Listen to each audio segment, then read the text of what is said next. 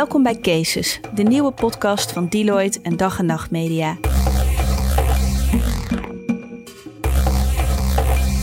Mijn naam is Eva de Valk en ik ben techjournalist en oud-correspondent in Silicon Valley.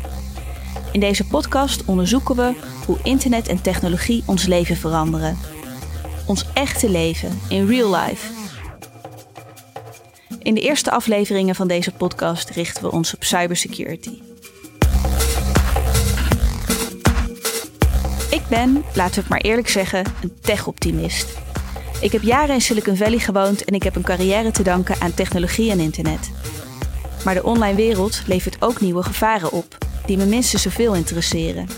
Het, het is echt een, een rampscenario. Ja, ja, kan niet anders zeggen. En dat zijn toch wel echt hele pijnlijke vergissingen die je echt niet wil maken. In de eerste drie afleveringen van Cases onderzoeken we deze duistere kant.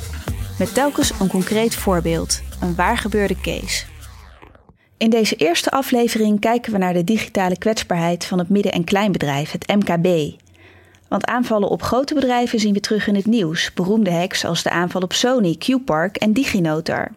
Aanvallen op kleine bedrijven kom je niet tegen op de voorpagina. Dus wilden wij in deze eerste podcast graag spreken met MKB'ers, kleine en middelgrote bedrijven zoals er zoveel zijn in Nederland. Ook zij kunnen gehackt worden en dat leed blijft vaak verborgen. Iedereen leeft, en dat is maar goed ook misschien, in een schijnveiligheid, beleving van... "Ah, ik heb niks te verbergen en eh, ik heb een backup en eh, wat dan nog? Nou ja, dit, wat dan nog? Dat, eh, dat dacht ik namelijk ook. Dit is Xander Koppelmans. Hij is eigenaar van PHGR, een bedrijf uit Goes gespecialiseerd in foto's, video's en grafische producties. We vonden Koppelmans door een klein berichtje in het Algemeen Dagblad over hoe zijn grafische studio gehackt werd. Wanneer wij hem spreken is hij nog zichtbaar aangedaan, maar hij spreekt kalm en vastberaden. In 27 jaar bouwde Koppelmans zijn grafische studio op, met acht mensen in vaste dienst en zo'n 30 freelancers. Drie jaar geleden sloeg het noodlot toe. Het was een donderdagochtend, half elf. En ik zat gewoon in een meeting. En het was gewoon overdag. Iedereen was aan het werk. En onze systeembeheerder uit Amsterdam had een dag daarvoor, op woensdag, gebeld van... joh, jullie servers, we hadden er drie, eh, lopen een beetje vol. We hadden een grafische server, een fotografie-server en een videoserver. Lopen een beetje vol. Eh, haal er even wat oude projecten vanaf. En die sloegen we dan altijd offline op, op harddisks. En ehm, de volgende dag, die donderdag, zat ik in een meeting en waren ze daarmee bezig. Totdat ze tot ontdekking kwamen dat één server eh, eigenlijk helemaal leeg was. En daarop hebben ze gebeld met systeembeheer in Amsterdam van... hebben jullie iets gedaan? Of, eh, en die zeiden nee, we hebben niks gedaan. En toen keken ze op de andere servers en die zagen ze fysiek leeg lopen. Dus daar eh, verdwenen de bestanden één voor één. Ehm, op alfabetische volgorde verdwenen ze van de server. En toen, hebben ze, toen zei het systeembeheer, ja, waarschijnlijk word je gehackt, eh, trek de stekker er maar uit. Dus hebben we beneden in het serverhok, hebben we de computer, de servers gewoon platgelegd. Stekkers eruit. Zo geschiedde. Eén server was nog intact, een ander was geheel leeg en de derde server was blijven hangen bij de letter N. Alles daarvoor was verdwenen. En het ergste moest nog komen. Want toen eh, de automatisering kwam om de boel weer op te starten, want die kwamen toen naar Goes, eh, was ik in de veronderstelling, nou die servers gaan aan en we zetten de backups terug en eh, we kunnen verder werken. Totdat bleek dat niet alleen de server en de backup servers, maar ook alle stations en alle harddiskjes die aan de stations hingen en USB-sticks die in de stations zaten, dat alles leeg was. En dat was heel gek. Alles was weg. Niet alleen een groot deel van de bestanden, maar ook van de backups. Dan slaat je je spanning van oh spannend slaat om in hoe erg is dit nou, wat er nu gebeurt. En dat kan je op dat moment eigenlijk helemaal niet inschatten. Dat zinkt wel in na een dag of wat. Dat je denkt, oh jee, oh mijn hemel. Als dat weg is, dat is wel heel erg. Omdat eh, we hadden voor een aantal grote corporates eh, heel veel werk klaarstaan om te leveren. En dan heb ik het echt over maanden werk. Dat, eh, dat gaat dan gewoon 50k plus wat je niet meer kan leveren. En we hadden een aantal projecten voor eh, Rijkswaterstaat.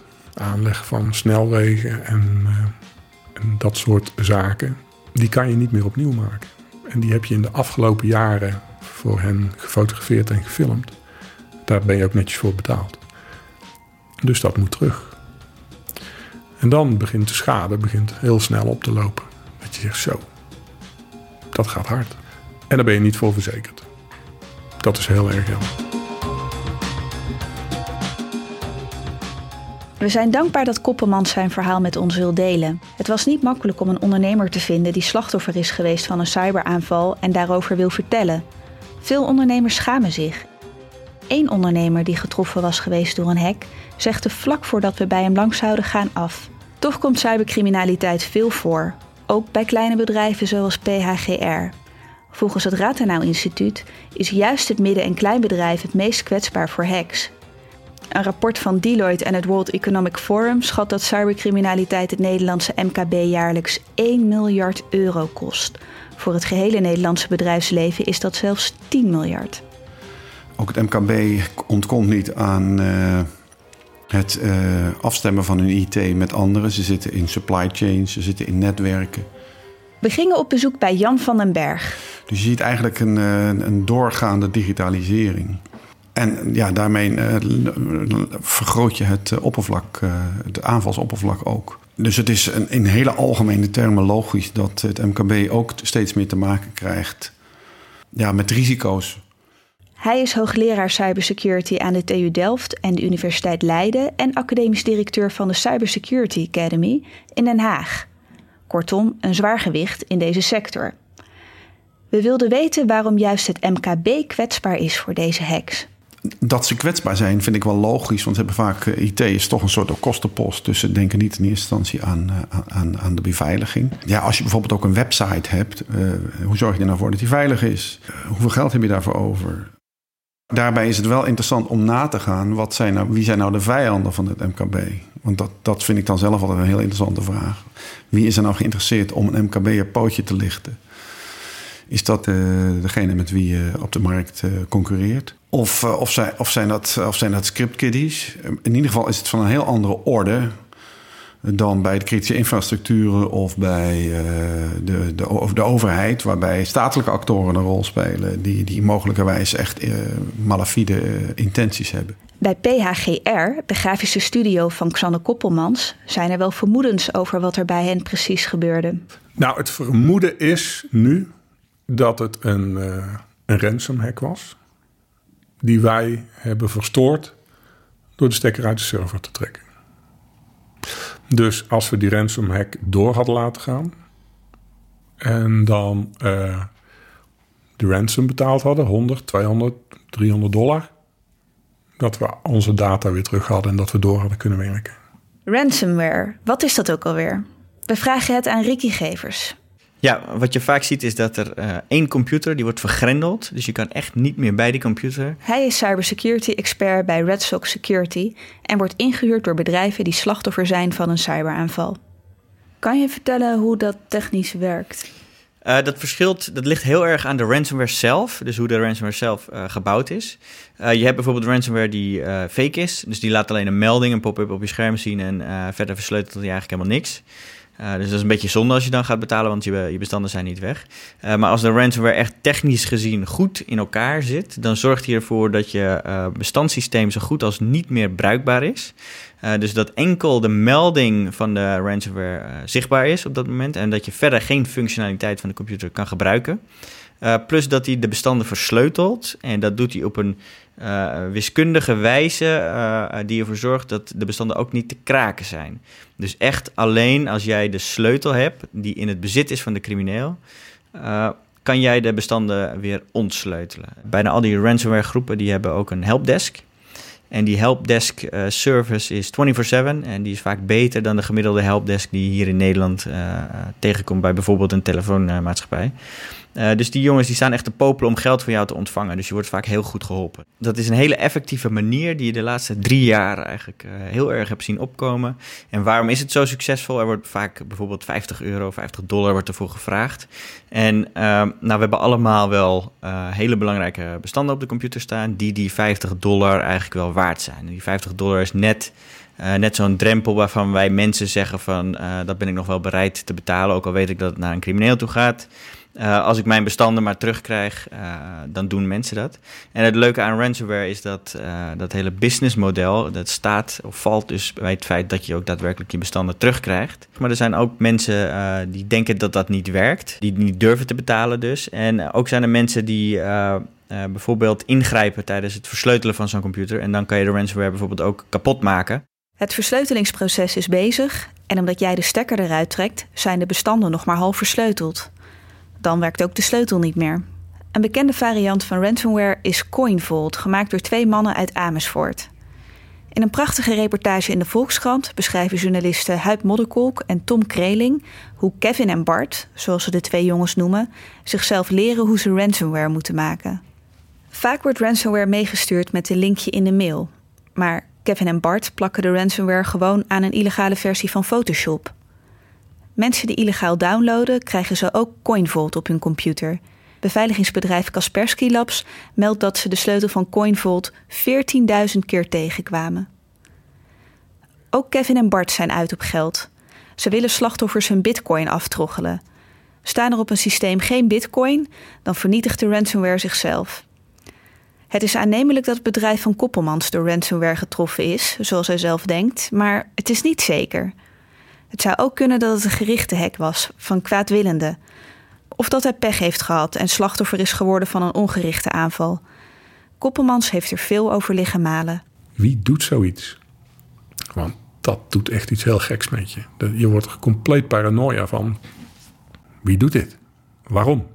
Ik bedoel, we zijn een vriendelijk bedrijf. Doen gewoon heel erg netjes ons best. Betalen belasting. Eh, zijn lief voor elkaar. Zijn lief voor onze relaties. Uh, hebben een track record uh, waar je u tegen zegt. Wie doet dit? Zoals Koppelmans zullen er veel slachtoffers zijn. Mensen die niet weten wat ze is overkomen. Voor beveiligingsexperts en hackers is ransomware een bekend probleem, maar voor achterloze slachtoffers vaak niet. En dan wil ik weten, wat moet je doen wanneer je bestanden opeens worden versleuteld? Het allerbelangrijkste is het hebben van backups. Als je namelijk gewoon een backup hebt, dan kan je eh, de computer versleutelen wat je wil, maar je kan altijd terug naar een positie waarvan je de backup hebt en dan kan je gewoon weer verder waar je gebleven bent. Dus mijn allerbelangrijkste advies hierin is backup, backup, backup en niets anders. En iedereen kent het advies en toch zie je nog heel veel bedrijven die gewoon hun simpele backups niet goed op orde hebben. Of ze hebben wel backups, maar ze kunnen het niet herstellen bijvoorbeeld. En dat zijn toch wel echt hele pijnlijke vergissingen die je echt niet wil maken als bedrijf zijn. Uh, dus zorg ervoor dat je goede backups hebt. Dat is het antwoord dat elke veiligheidsexpert ons geeft. Maak backups. Het liefst grote backups die niet aan je systeem verbonden zijn. Voor Xander Koppelmans is het wijsheid achteraf.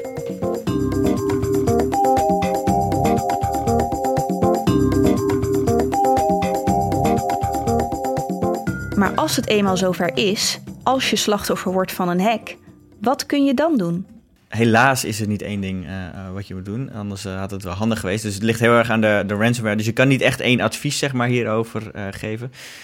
maar wat je kan doen als je ziet dat je op dat moment bijvoorbeeld geïnfecteerd wordt. En nou is dat heel lastig om vast te kunnen stellen. Maar je kan bijvoorbeeld als je een bepaalde website bezoekt of je opent een, een zip-file die je niet helemaal vertrouwt. dan moet je proberen dat zo snel mogelijk af te sluiten. Uh, of, te stoppen. En als je computer eenmaal geïnfecteerd is, dan is het handigste om te doen uh, het terugzetten van een backup, zodat je verder kan gaan uh, waar je gebleven bent. Heb je nou geen backup, en dat is een heel naar advies, dan adviseren wij toch nog wel eens om gewoon die ransomware te betalen. waarom? Ehm, het kan zomaar zijn dat een, een, bedrijf X alle computers vergrendeld zijn, dat het bedrijf geen uh, backups heeft. En dan is het natuurlijk heel zonde om zo'n bedrijf failliet te laten gaan, terwijl je voor 50 euro alle bestanden gewoon weer terug kan krijgen. Uh, de politie adviseert dat meestal niet. Uh, waarom adviseren ze dat niet? Dat is omdat je een crimineel netwerk in stand houdt. dat is zeker niet de bedoeling en dat willen wij ook zeker niet. maar ik denk dat iedereen wel begrijpt dat het failliet laten gaan van een bedrijf alleen maar om een crimineel netwerk niet in stand te houden, dat is natuurlijk ook niet iets wat je, wat je wil hebben.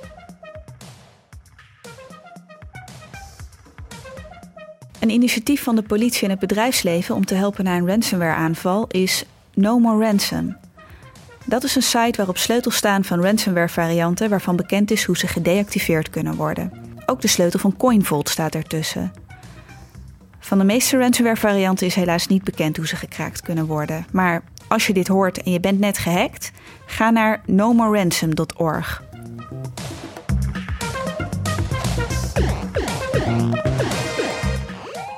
Xander Koppelmans riep professionele hulp in en deed aangifte bij de politie. Dat haalde helaas weinig uit. Ik heb eerst automatisering gebeld. Die kwamen, althans die, hadden het zelf al gezien natuurlijk. Maar die, eh, die zijn direct gekomen. Die zijn tot s'avonds laat gebleven. En de volgende dag ook. En de volgende dag ook om te kijken van... eh, Als data verdwenen is, is hij natuurlijk niet echt verdwenen. Die- Dan staat hij vaak nog wel op de disks, maar is hij gewoon niet meer vindbaar. Dus of er nog gerecoverd kan worden. Eh, dus alle harddisks eruit naar eh, herstelbedrijven en dat soort dingen. Dat, nou, dat viel heel erg tegen, want alle data was niet alleen gewist, maar ook overschreven. Dus het was echt weg of stuk. Aanvankelijk zeiden die bedrijven: we hebben 80% van je bestanden kunnen we terughalen. Ik zeg, nou, dat is geweldig nieuws, gelijk doen. Maar toen die eh, data terugkwam, bleek dat 80% van elk bestand te zijn. Dus foto's waar de bovenste helft af is, of de onderste helft, of video waar één kleur uit is. Dat je denkt, ja, dat is net zoveel waard als een half briefje van 100. Daar heb je helemaal niks aan. Dus eh, dat is het eerste waar je mee bezig bent. Toen zijn we, ben ik naar de politie gegaan en heb ik aangifte gedaan. En eh, nou, daar werd ik heel hartelijk ontvangen door eh, een agent die wel procesverbaal op wilde maken. En toen, een van de eerste vragen was naar welk bedrijf en uw naam en adres. Eh, zijn eerste vraag was, heeft u een signalement van de hacker? En ik dacht even dat ik het niet goed verstond, maar dat zei hij toch echt. Ik zeg een signalement van de hacker. Ja, staat hij niet ergens op een beveiligingscamera of zo? Of heeft niemand niks gezien?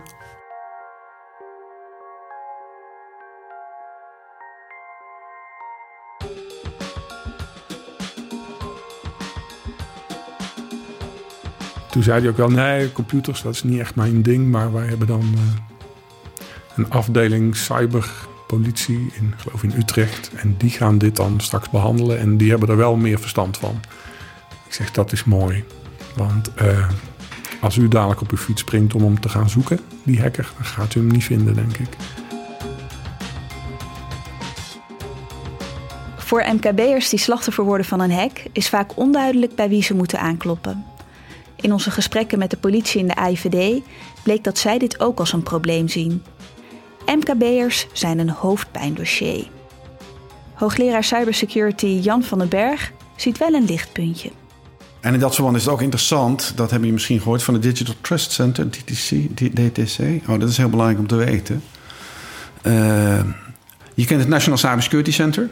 En dat is natuurlijk op nationaal niveau de coördinerende organisatie vanuit de overheid.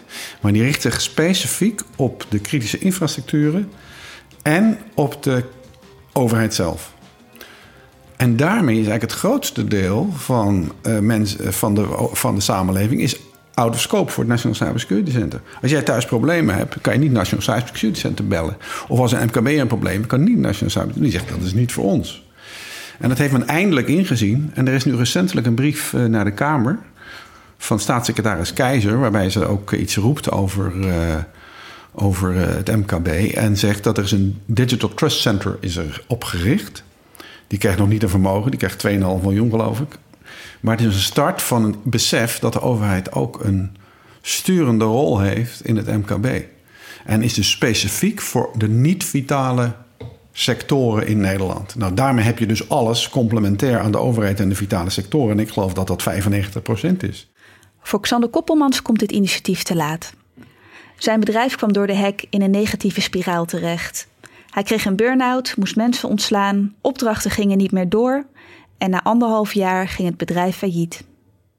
Ja, de nasleep. Aanvankelijk dacht ik, uh, dit gaat me goed geld kosten. Ik had gerekend op iets van 60 of 100.000 euro. Uh, dat liep snel op. Ging, uh, ging dik over de kop. Toen, om dat allemaal weer in orde te krijgen, moet je heel hard werken. Dus je hele organisatie, die altijd naar buiten gekeerd is om bedrijven te helpen, keert zich nou naar binnen om schade te herstellen, gemaakt werk opnieuw te maken, gratis en voor niks. Want het, het moet er wel komen. Dus je verdwijnt eigenlijk uit het zicht. Dat is directe schade voor je bedrijf. Je probeert schade te herstellen op eigen kosten. Dat is, kost echt heel veel geld. Ik kreeg een, uh, een maand of vier later, na dag en nacht werken om dit goed te krijgen, een burn-out. Dan is de eigenaar van het bedrijf uh, ligt ook plat. Dat heeft ook een maand of drie, vier geduurd. En dan kom je terug op de zaak en dan zie je uh, bureaus leeg, leeglopende agenda's, een hele verkeerde atmosfeer en een enorme schade. Die, die tellers lopen gewoon door. Je komt steeds meer tot ontdekking: oh, dat is er ook niet meer. Dat kan je niet meer uit archief leveren. Of dan moet je besluiten nemen dat je zegt: nou, we moeten wat inkrimpen, want we maken minder winst. Dus voorlopige contracten worden ontbonden. heel slecht voor de atmosfeer. Mensen die bang worden, vaste medewerkers die zeggen: ik ga een andere baan zoeken. Dat is een neerwaartse spiraal waar je zomaar niet uit werkt. Daar hebben we een noodscenario op gezet samen met accountant. Van wij waren een heel, heel, heel gezond bedrijf. Maar toen hebben we wel gezien, ja, waarschijnlijk gaan we toch wel in liquiditeitsproblemen komen. Dus een krediet afgesloten bij de bank om uh, die periode door te komen. En dan moet je niet te veel pech hebben dat er projecten niet doorgaan. En dan zouden we het halen. Dan zouden we in uh, december 2016 het moeilijkste punt uh, gehad hebben. En daarna zou het in 2017 weer goed komen. Nou, eind 2016 hebben we twee grote tegenvallers gehad van projecten die uiteindelijk niet doorgingen. Die werden een jaar uitgesteld. Gingen wel door, maar werden uitgesteld. En dat konden wij eh, niet hebben. Dus toen heb ik in februari het faillissement van het bedrijf aangevraagd.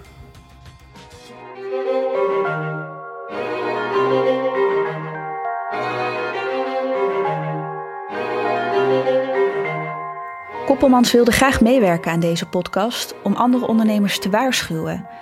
Wees voorzichtig en zorg dat je voorbereid bent, luidt zijn boodschap. Uh, ben je ervan bewust dat het niet veilig is? Je bent net zo veilig als dat je niet beschermd bent tegen inbraak. Je hebt een raam in je huis. Als je er een steen doorheen gooit, ben je binnen. Zo makkelijk is het. En zo is het ook met je bedrijf en met je data. Uh, het is niet veel meer dan een steen door eruit gooien om binnen te komen. Terwijl je denkt, ja, maar ik heb mijn voordeur toch op slot. En ik heb uh, veiligheidssloten en dat is allemaal goedgekeurd. En uh, daar kan mij niks gebeuren. Die naïviteit, die moet je echt kwijtraken.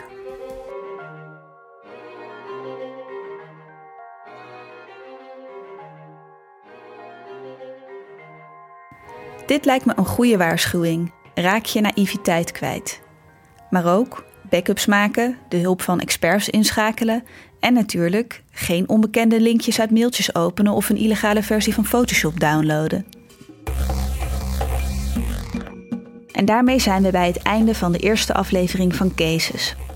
In de volgende aflevering reconstrueren we wat er gebeurde in de haven van Rotterdam op 27 juni 2017.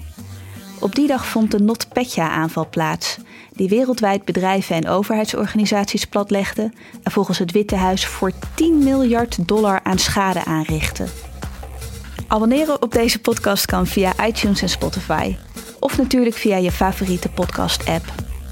Laat ons weten wat je van de podcast vindt in de reviews van iTunes of via Twitter, waar ik te vinden ben via Eva de Valk.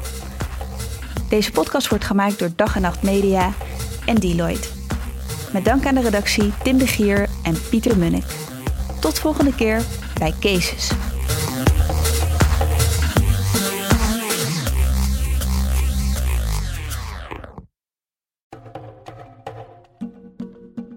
Deze podcast wordt mede mogelijk gemaakt door Deloitte. Tijdens het maken van deze serie zagen we hoeveel bijzondere projecten er bij Deloitte worden ondernomen, onder meer op het gebied van artificial intelligence. Ben jij daar nou ook in geïnteresseerd? Ga dan naar werkenbijdeloitte.nl. Daar vind je actuele vacatures voor studenten, starters en professionals. Wil je data scientist worden of consultant op het gebied van machine learning of data visualization? Kijk dan eens op werkenbijdeloitte.nl.